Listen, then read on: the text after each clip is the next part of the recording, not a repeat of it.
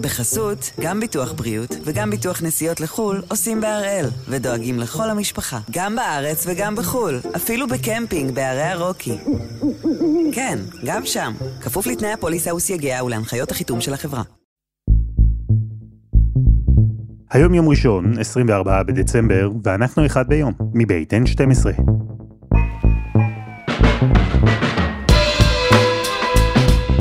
אני אלעד שמחיוף ואנחנו כאן כדי להבין טוב יותר מה קורה סביבנו, סיפור אחד ביום, בכל יום.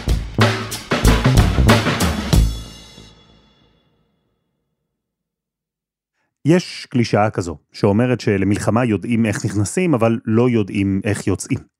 כל שבוע, כל יום, כל רגע, מביא איתו במלחמה הזו משהו חדש. ולפעמים בין דקה לדקה, המשהו הזה יכול להתהפך ב-180 מעלות. קחו לדוגמה את הדיווחים ששמענו בסך הכל בימים האחרונים. ניסיון להתניע משא ומתן לשחרור חטופים, מתווה ישראלי, פגישות סודיות בבירות אירופיות, וכמעט במקביל הודעה של חמאס שלא יהיה משא ומתן עד שהמלחמה תסתיים. וגם זה, המלחמה תסתיים. מדברים איתנו על חודשים, אפילו על שנים קדימה, אבל במקביל כבר מדברים על מה יהיה ומה לא יהיה בעזה ביום שאחרי. וגם זה, נתניהו אומר, פעם אחרי פעם, גם ממש בימים האחרונים. אנחנו לא נעצור את המלחמה עד שנשלים את כל יעדיה. השלמת חיסול החמאס ושחרור כל חטופינו. ואחרי שנחסל את החמאס, אני אפעל בכל כוחי כדי להבטיח שעזה לא תהווה יותר איום על ישראל. לא חמאסטן ולא פתחסטן. אבל במקביל, ראש המל"ל צחי הנגבי אומר שישראל לא פוסלת את שילוב הרשות הפלסטינית בעזה ביום שאחרי, ובארצות הברית מדברים על רשות פלסטינית חדשה, שתנהל את החיים האזרחיים ברצועה. בקיצור, אם תרשו לי להשתמש כאן בעוד קלישאת מלחמות, יש ערפל קרב, כבד, על מה שבדיוק קורה עכשיו מאחורי הקלעים.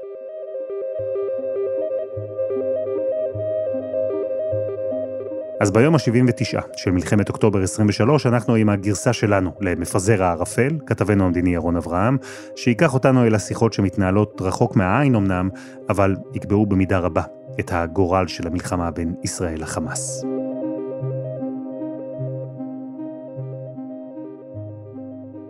שלום ירון. שלום אלעד. תעשה לי רגע סדר במה שאצלי לפחות נראה כדיסוננס. מצד אחד, אמירות בקבינט ובממשלה הישראלית, שהלחץ הצבאי הוא זה שיוריד את חמאס לברכיים ויוביל אותנו לעסקה. מהצד השני, אנחנו שומעים את חמאס אומר, לא מתחילים משא ומתן עד שלא נגמרת הלחימה. איפה הפער? תראה, יש פה איזשהו נתיב שהוא מתנגש בנתיב של חמאס. הנתיב הישראלי אומר את הדבר הבא, אנחנו הולכים לעסקה הומניטרית. עסקה שבעצם מרחיבה את העסקאות הקודמות, מגמישים, מרחיבים את הקטגוריה עד הקצה. זה אומר שאנחנו מתחילים מאותה נקודה של אנשים שנותרו בשבי, זה אומר שאנחנו אה, כמובן כוללים את החולים הכרוניים, את הזקנים, את האנשים היותר מבוגרים, את אלו שנפצעו מירי, כל אדם שעונה על הקטגוריה ההומניטרית, ואנחנו מבחינת ישראל מוכנים ללכת באמת כברת דרך, לתת יותר ימי הפוגה, אגב, מדברים במתווה על שבוע, אולי אפילו יותר, שבוע וחצי, יש אפילו כאלה שאומרים ששבועיים זה גם מחיר נסבל, מוכנים לשחרר אסירים עם דם על הידיים, מוכנים שהמפתח של האסירים יהיה יותר גדול, כלומר לא אחד לשלושה, אלא משהו יותר נדיב, ממש מוכנים לרדת לפרטי העסקה. חמאס מצידו אומר, אתם דנים על משהו שהוא יותר מדי מתקדם. אני מבחינתי, התנאי הראשון שלי זה שתסיימו את הלחימה לחלוטין. ואז אפשר להתחיל לדבר, ואז אני גם אגיד לכם מה התנאים שלי, ואם אתה רוצה ניגע בזה. אבל יש פה איזה מצב מבלבל. לכאורה היו שתי פגישות, אחת בוורשה, השנייה בפריז, של ראש ממשלת קטאר עם ראש ה-CIA וראש המוסד. לכאורה התנענו את המשא ומתן, אבל בעצם כשזה מגיע לקצה, ליחיא סנואר, הוא ב-level אחר, הוא במקום אחר תודעתית. וזה בעצם יהיה האתגר עכשיו, שאת כל מה שקורה באירופה, להצליח לתווך לעזה. זה האתגר, זה המוקש המשמעותי, להשפיע על יחיא סנואר. תראה, את מה שאנחנו רואים אבל, אפשר אולי לנתח בשני ניתוחים שהם אה, מנוגדים אחד לשני. מצד אחד לומר, הנה, הלחימה משפיעה, לוחצת על חמאס עד כדי כך שהדבר היחיד והראשון שהוא שם בפרונט, זה הפסקת הלחימה, זה התנאי. מהצד השני אפשר לומר, הנה, הלחימה לא משפיעה על חמאס עד כדי כך, ולכן סינואר מרגיש שהוא יכול להציב תנאים ולשחק משחקים. מה משני הניתוחים האלה הוא הניתוח המקובל בישראל? צריך להגיד ביושר, בישראל מבינים שלחמאס, לסנואר, אין את האינטרס שהיה לו בפעימות הקודמות. פשוט אין. ולכן אני לא באמת חושב שיש פה דיסוננס, יש פה ניסיון לייצר אינטרס כזה. כי אם אתה משווה את זה לעסקאות הקודמות, לפעימות הקודמות, מה אמרנו כל הזמן, ומה היה ברור לישראל מהרגע הראשון?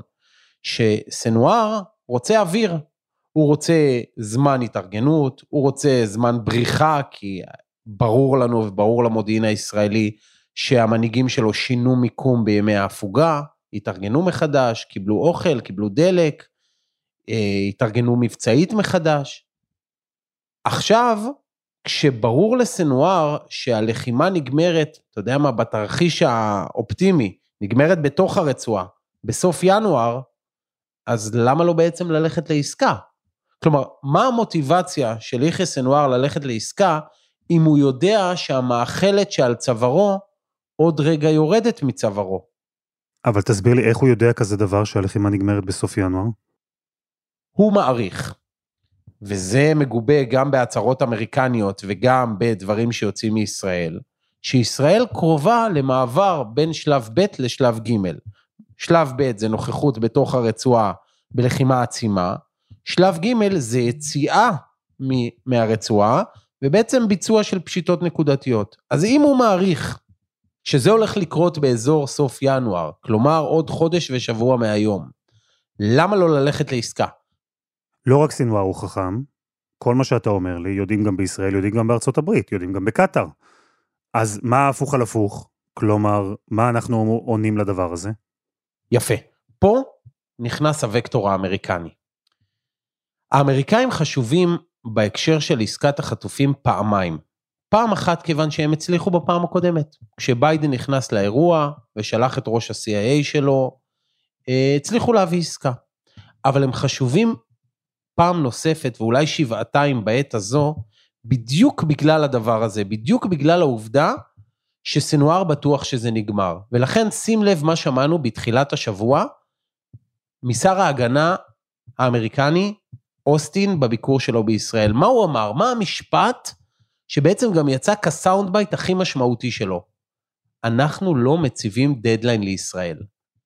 ואם אתה שואל אותי, ואני מתבסס על שיחות שאני עושה בעניין הזה עם בכירים ישראלים, המסר הזה הוא בכלל לא נועד אל הלחימה, הוא נועד אל סינוואר. כלומר, בעצם האמריקנים מאותתים לסנואר, ולא רק אליו, גם אל הקטרים וגם להנהגת חמאס בחו"ל, שאם הם חושבים שהאמריקנים ימשכו את ישראל בצמות ויגידו להם, צאו בסוף ינואר, כשישראל תבוא ותגיד, רגע, לא השגנו את מטרות המלחמה, לא רק שלא מוטטנו את חמאס, זה מילא, את זה נמשוך עוד שנה ואולי נצליח, אבל לא הצלחנו להביא את החטופים שלנו, יש לנו 130 חטופים שם. אם אתם חושבים שאנחנו נמשוך אותם בצמות, תחשבו פעמיים. יכול להיות שנאפשר לישראל להישאר בשטח עוד חודש, עוד חודשיים, ואז אולי הם יגיעו אליך, יחיא סנואר.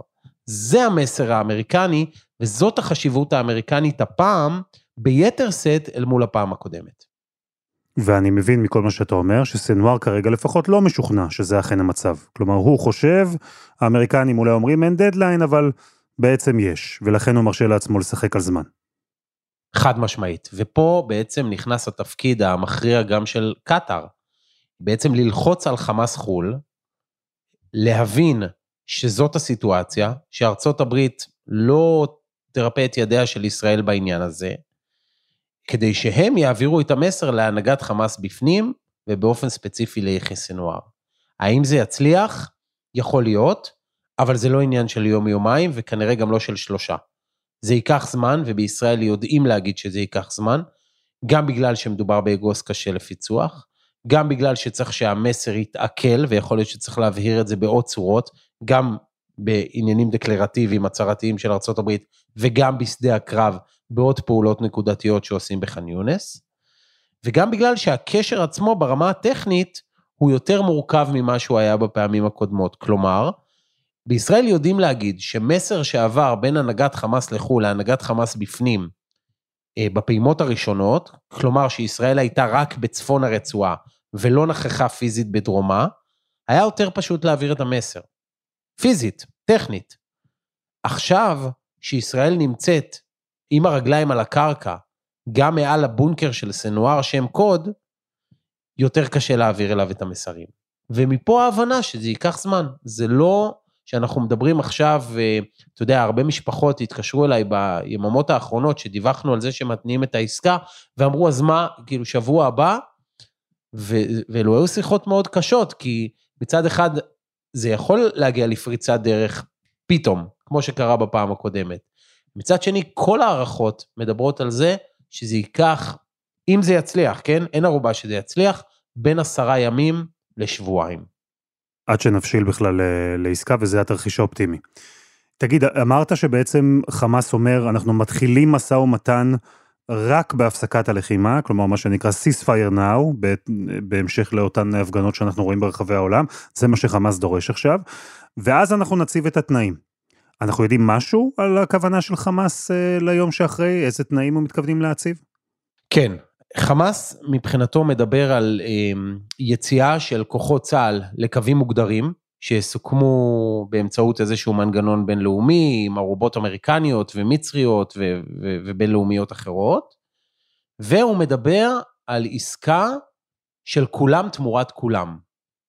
שזה אומר ישראל מפסיקה את הלחימה באופן מוחלט, לא... אין, אין אחר כך עוד פשיטות, מפסיקה לחלוטין את הלחימה, ואז משחררת את כל האסירים בבתי הכלא בישראל. אגב, פרט טריוויה מעניין, נדמה לי שאנשים לא יודעים כמה אסירים ביטחוניים פלסטינים יש בבתי הכלא בישראל, המספר הוא 7,000, מספר מטורף.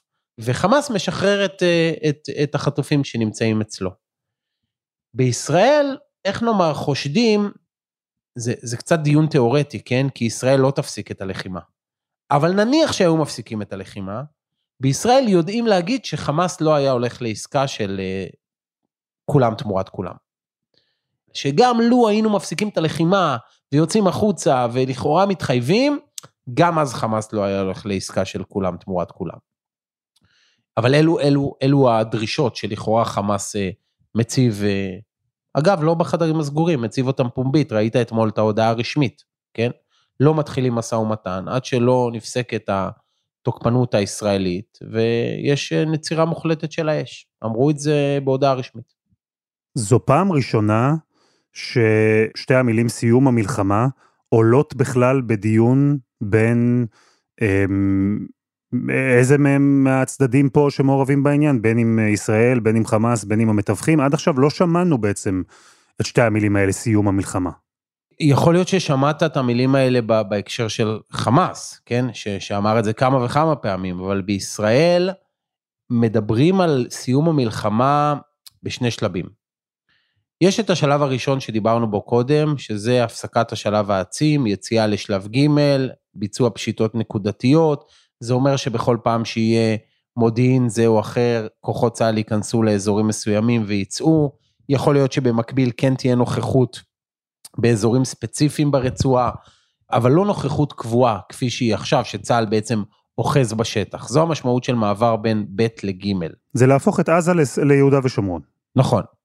אתה מדבר על השלב שהוא כמעט שלב ד', או אולי ה' או אולי ת', לא יודע איך מכנים אותו, שבעצם זהו, זה נגמר, נגמרה המלחמה. חמאס מוטט. בהקשר הזה, בישראל לא מדברים אפילו על חודשים, שמעתי את גלנט מדבר על כמה חודשים לפחות. אני אומר לך שבשיחות סגורות מדברים על שנה, ויש מחמירים שאומרים שנתיים ושלוש. אז זה ברור לחלוטין שאנחנו הולכים למערכה ארוכה. עכשיו, כשאומרים מערכה לציבור הישראלי, הוא מדמיין לעצמו את מה שהוא רואה עכשיו. לא. יהיו פה, יהיו פה גלים, וזה יהיה ארוך, וישראל תצא ותיכנס ותפשוט, ושוב תצא, ושוב תאחוז בשטח, ושוב תצא ממנו, וכל הזמן הזה רצועת ביטחון, איזשהו פרימטר, כדי שהתושבים יוכלו להרגיש לפחות בטוחים לחזור לבתיהם. אנחנו לא הולכים פה לאירוע שנגמר עוד חודשיים, וגם לא עוד חצי שנה. יש עוד מערכה ארוכה לפנינו, גם אם העצימות שלה תשתנה אה, לאורך הזמן.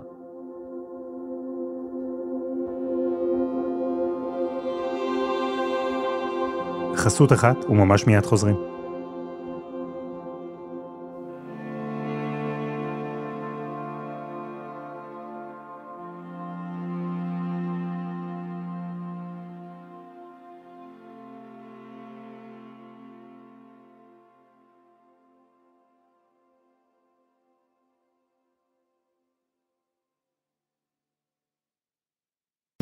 בחסות, גם ביטוח בריאות וגם ביטוח נסיעות לחו"ל עושים בהראל, ודואגים לכל המשפחה, גם בארץ וגם בחו"ל, אפילו בקמפינג בערי הרוקי. כן, גם שם, כפוף לתנאי הפוליסה וסייגיה ולהנחיות החיתום של החברה.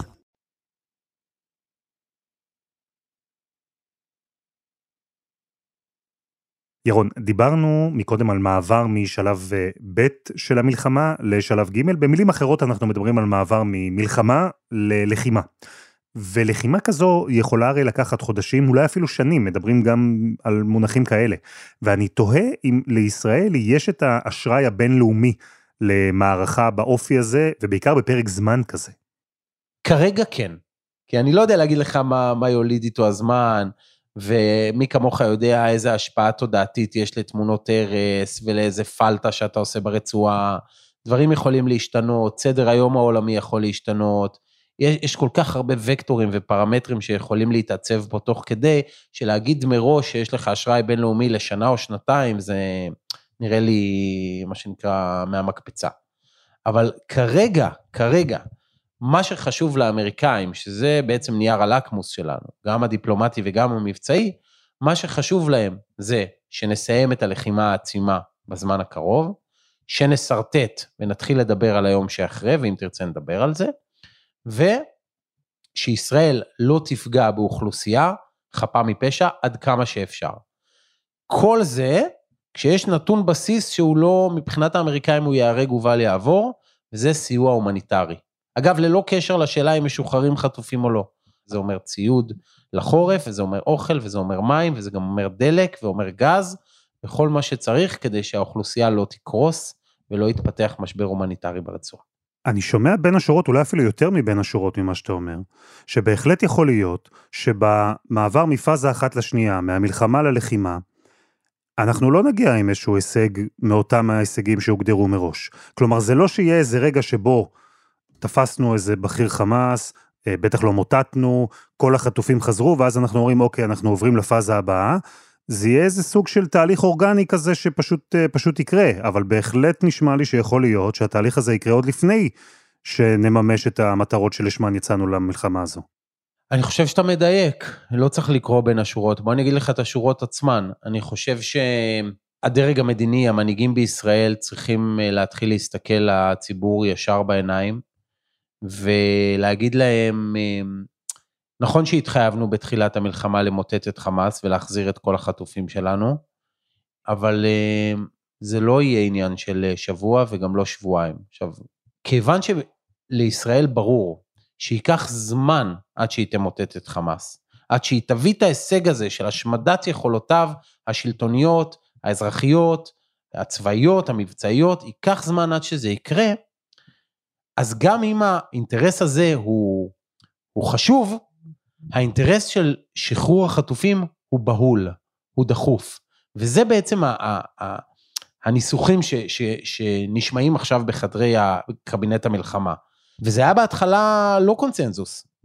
שמו את שתי המטרות במקביל, ככה נתנו להם לרוץ ביחד, לכאורה בשני מסלולים נפרדים.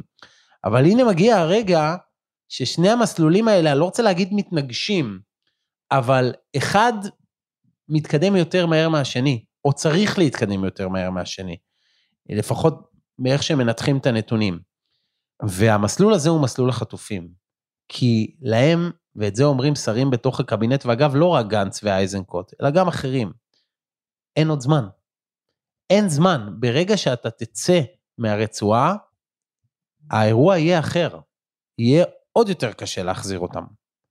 ישראל חייבת לתת פה גז ולמצוא פתרונות מחוץ לקופסה כדי להוציא כמה שיותר חטופים החוצה, לפני שהשלב הזה השלב העצים בלחימה מסתיים ואנחנו עוברים לשלב של הפשיטות הנקודתיות, כי אז זה יהיה קשה יותר. אבל אתה לא יכול לומר לי ההפך, אתה לא יכול לומר לי שהשלב העצים הזה לא יסתיים עד שלא יחזרו החטופים. לא, אני לא יכול להגיד, ואני חושב שאם תבחן היטב את, ה... את האמירות של בכירי הדרג המדיני, גם הם לא אומרים את זה כך. הם אומרים, הלחימה לא תסתיים עד שלא נגשים את המטרות שלנו, מיטוט שלטון חמאס והחזרת כל חטופינו. אבל אף אחד לא אומר, לא נצא מהרצועה עד ש. שים לב. וזה לא מקרי. ברור שלא, ברור שלא. ב- לישראל ברור לחלוטין שהשלב העצים בלחימה, אני לא רוצה להגיד מאוד מתקרב, אבל, אבל, אבל כן, אבל, אבל אנחנו שם. זאת אומרת, זה... אוקיי, אתה יודע מה? האמריקאים רצו שזה יהיה בתחילת ינואר. אנחנו משכנו ואמרנו, אנחנו צריכים עד סוף ינואר, כדי לסיים את ח'אן יונס, ולסיים את שג'אעיה ועוד קצת אה, אלמנטים שיש בצפון. אז נניח שהם ייתנו לנו עד סוף פברואר. אתה מבין שבסוף אלו סדרי, סדרי גודל של זמן שהם בכל זאת מצומצמים. ולישראל ברור שהטרנספורמציה הזאת, מב' לג', מעצים ללא עצים, חייבת לקרות. אגב, היא חייבת לקרות כנראה גם מבצעית. גם מבצעית, יש הבנה בישראל שצריכים לעשות את המעבר הזה מהנוכחות ברצועה להתייצבות על קווים מוסכמים ויצירת פרימטר, אזורי חיץ. ומשם משם להתחיל את, ה, את הפעולות על פי מודיעין מדויק ו, ובצורה יותר מדודה אך נקודתית. תגיד, על היום שאחרי אמרת אולי זה שלב ת'. מדברים. אמ, עד כמה מדברים ברצינות על מה יהיה עם עזה ביום שבו המלחמה תסתיים ממש? אז תראה, זה דבר מדהים, כי עד לפני אה, בערך, אה, לא יודע, שבועיים, דיברו על זה בצוות אה, שהיה במשרד הביטחון, קצת במל"ל, קצת במשרד החוץ, אבל אז ראש הממשלה, צריך להגיד את זה, לקח את הסוגיה של היום שאחרי וקצת קצת הרבה הפך אותה לקמפיין. שהוא אומר, אני לא אאפשר לא חמאסטן ולא פתחסטן. שהמשמעות של זה זה, אנחנו לא רוצים לשלוט אזרחית ברצועה, אנחנו לא רוצים שתהיה לנו אחריות כלכלית ואזרחית לרצועה, אנחנו לא מוכנים שחמאס ישלוט שם, ואני לא מאפשר לרשות הפלסטינית ולאבו מאזן להיכנס לשם, כיוון שהוא מסית לטרור ומחנך לטרור ו- ומשלם ל- לרוצחים ול- ולמשפחותיהם. ואז באו האמריקאים ואמרו, אוקיי, אבל מה כן? וברגע שהאמריקאים לחצו יותר, והם לחצו מאוד בסוגיה הזאת, הצוותים גם בישראל התחילו לעבוד אה, באופן משמעותי. אגב, מאוד מעניין שנתניהו לא הביא את הדבר הזה לדיון בקבינט. למה? אני חושב שלא כי הוא חושש מסמוטריץ' ובן גביר, זה לא הסיפור, אלא כי בתוך החדר התברר שיש בעצם הסכמות. שחוץ משניהם, כולם מסכימים על המנגנון שיהיה שם ביום שאחרי, ואתה יודע מה? אולי גם שניהם מסכימים לחלק מהמרכיבים. ואני אשרטט לך איך ייראה בעצם היום שאחרי מבחינת אה, ישראל. ושוב אני אומר, יש אולי הבדלים, ניואנסים שכל אחד מנצל אותם לענייני קמפיין, אבל, אבל בסוף לכולם הפרמטרים ברורים. קודם כל ברמה הביטחונית, חופש פעולה מלא של צה"ל בשטח. זה ברור, כי אחרת אתה לא תוכל להגשים את מטרות המבצע שדיברנו עליהן קודם. לא תוכל למוטט את חמאס אם לא תוכל להיכנס פנימה כל הזמן. כמו שאתה עושה ביהודה ושומרון. שתיים, מניעת התעצמות ופירוז, פירוז של הרצועה, מנגנון פירוז, זה תהליך מורכב, ארוך, קשה, אני לא יודע להגיד לך כמה הוא גם עד הסוף ישים, אבל על זה מדברים בישראל. מדברים על מנגנון שימנע הברחות ויאפשר פיקוח על הברחות בציר פילדלפי, אולי אה, עם אה, כל מיני פקחים של האו"ם, המצרים יכולים להיכנס פה וכדומה. ועל כל זה בערך יש הסכמה. הדבר המעניין זה לגבי הסוגיה האזרחית, ותן לי לעשות לך את זה פשוט. מי אוסף את הזבל ברצועת עזה בעוד חודש? מי מפעיל את המתנסים? מי פותח את הבתי ספר? מי בעל הבית של המקום? ברמה האזרחית היומיומית, לא הולך לסוגיות ברומו של עולם, ברמה הכי פשוטה של היום, מי העירייה של המקום הזה? מי הוא ראש עיריית עזה? בסדר? אם אתה רוצה. ופה כולם מבינים שניהול החיים השוטפים ברצועת עזה יתבצע באופן משולב. מדינות מפתח באזור, שלכל אחת מהן יש את האינטרס שלה ולמי שאין מנסים לרתום אותה לזה, גופים בינלאומיים שכבר פועלים ברצועה, סוכנויות של האו"ם וכדומה, ושים לב להגדרה, גורמים מקומיים שלא מזוהים עם חמאס. מה זה גורמים מקומיים שלא מזוהים עם חמאס? זה ניסוח מכובס לאנשים שיש להם איזשהו זיהוי עם פת"ח. ואם יש להם איזשהו זיהוי עם פת"ח, גם אם ישיר וגם אם עקיף, הם קשורים באופן זה או אחר לרשות הפלסטינית. ככה שאף אחד לא מצפה שיבוא איזה מלאך מבחוץ וינהל את, ה, את כל הטריטוריה הזו בעצמו. זה יהיו חייבים להיות האנשים שנמצאים שם עכשיו, פקידים של הרשות, ראשי אוניברסיטאות, לא יודע. אנשים שיש להם איזושהי זיקה לשטח ולאוכלוסייה. ולכולם זה ברור. אז אולי זה לא יהיה שליח של אבו מאזן שהוא ממנה אותו. כי, כי אז, אגב, גם האמריקאים לא רוצים את זה. האמריקאים אומרים רשות פלסטינית מחודשת. אבל ברור שזה מישהו עם איזושהי זיקה כזאת. ולכן, שוב אני אומר, בוא נפריד בין אמירות שהן לצורך קמפיין וחידוד הבדלים פנימיים בישראל, לבין האמת של החיים. ובאמת של החיים, לכולם ברור איך זה ייראה. מה שאני אומר, שמי שחושב שתגיע לצורך העניין אה, איחוד האמירויות, והיא זו שתנהל שם עם פקידיה ואנשי השלטון שלה את מה שקורה בחיים האזרחיים ברצועה, הוא עובד עלינו, הוא מדמיין, זה הרי לא יקרה. כי הם לא מוכנים, כנ"ל המצרים, כנ"ל הסעודים, כנ"ל כל השאר, הם אומרים אנחנו מוכנים לתת כסף ולפקח, אבל אנחנו לא ננהל את החיים האזרחיים בעזה. נכון, נכון.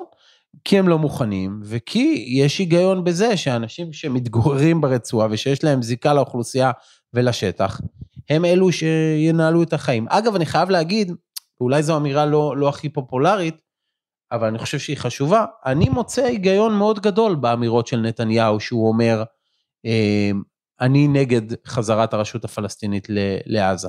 אני, אני מבין את זה. ביו"ש אנחנו באילוץ, אין לנו שותף טוב יותר. ב- ב- ב- ביהודה ושומרון, והרשות הפלסטינית, חרף החסרונות שלה, בעצם מנגנון התיאום שלה עם ישראל, הוא, הוא יחסית עובד בסדר. בעזה, אם אתה בא טבולה ראסה, למה שתכניס אה, גורם שבסוף מסית אה, ומחנך את הילדים שלו לטרור? כלומר, אתה לא רוצה לפגוש את אותו אירוע בעוד 20, 30 ו-40 ו-50 ו-100 שנה. אם אתה בכל זאת מנסה להצמיח משהו חדש, אז בוא באמת תעשה את זה. אבל גם האמירה שלו שלא יהיה שום קשר לפת"ח ושום קשר לרשות הפלסטינית, היא גם מופרכת, כי בסוף יש או חמאס או פת"ח, אלו הגורמים המשמעותיים. אז אני אשאל, אני אשאל אותך שתי שאלות בהיבט הזה, אפרופו מה שאתה אומר. אחת, זה מה בדבר איזושהי דרישה שעלתה מצד האמריקנים, שיהיה רצף. כלומר, שמי ששולט ביהודה ושומרון יהיה גם זה שישלוט בעזה.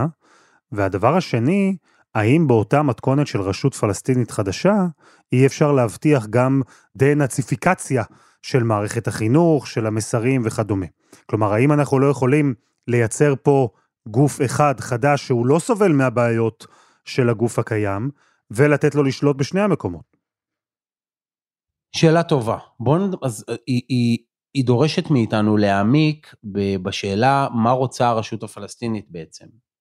והרשות הפלסטינית עובדת עם, עם ארצות הברית על סוג של תוכנית אה, היום שאחרי, שמי שבעצם מציע את ההצעה שם, שעומד בקשר עם, ה, עם האמריקאים, הוא ראש הממשלה הפלסטיני, מוחמד אשתיה. והוא אומר, הוא מציע את הדבר הבא, הרשות תנהל את הרצועה, הרשות, אבו מאזן ינהל את הרצועה, וחמאס יהיה שותף זוטר בשלטון. אגב, הוא אמר את זה באופן פומבי. הוא אמר, בואו, השאיפה של ישראל למוטט את חמאס, כך הוא, כך הוא טוען, היא לא מציאותית. ולכן הרשות הפלסטינית חושבת, או מאמינה, שעם סיומה של המלחמה, חמאס צריך לקחת חלק בבניית שלטון חדש של מדינה פלסטינית עצמאית, אוקיי? והמדינה הזאת תכלול את הגדה המערבית, את רצועת עזה ומזרח ירושלים. זו העמדה הפלסטינית. אז באה ישראל ואומרת שני דברים. אחד, אם אתם לא מוכנים להוציא את חמאס, אתם מדברים על, על השערה של חמאס בשלטון, אין עם מי לדבר. שתיים, בעצם אתם מנסים לעשות מהלימון לימונדה, ולהקים בעצם מדינה, ואנחנו, אני, נתניהו, מתנגד לשתי מדינות לשני עמים, בטח שזה כולל את מזרח ירושלים. ושלוש, אני לא סומך גם עליכם, גם על הרשות הפלסטינית עצמה. אז יש פה איזה מהלך שהוא נון סטארטר. כל עוד הרשות הפלסטינית לא תבוא ותגיד, ואגב, האמריקאים בזה מיושרים עם ישראל באופן מלא, כל עוד הרשות הפלסטינית לא תבוא ותגיד, אני מוכנה לקחת את השטח הזה, לעשות בו את כל התהליכים הללו, כולל את הדנציפיקציה, אז זה לא יכול לקרות. ולכן גם האמריקאים מדברים על רשות פלסטינית מחודשת, גוף חדש שייבנה, והם מקווים, האמריקאים מקווים, שעם הזמן ייווצר איזשהו רצף, גם רעיוני, גם שלטוני, בין מה שקורה ברצועת עזה לבין הגדה המערבית, ויהיה אפשר לחזור למתווה של שתי מדינות לשני עמים. אבל גם הם מבינים שזה, שנקרא חזון, זה לא משהו שהוא על השולחן כרגע. מקווה שעניתי. ענית לגמרי. ירון אברהם, תודה רבה. תודה אלעד. וזה היה אחד ביום של N12. אנחנו מחכים לכם בקבוצה שלנו בפייסבוק, חפשו אחד ביום, הפודקאסט היומי. העורך שלנו רום אטיק, תחקיר והפקה, עדי חצרוני, רוני ארניב, שירה הראל ודני נודלמן. על הסאונד מור ארטוב, יאיר בשן יצר את מוזיקת הפתיחה שלנו. אני אלעד שמחיוף, אנחנו נהיה כאן גם מחר.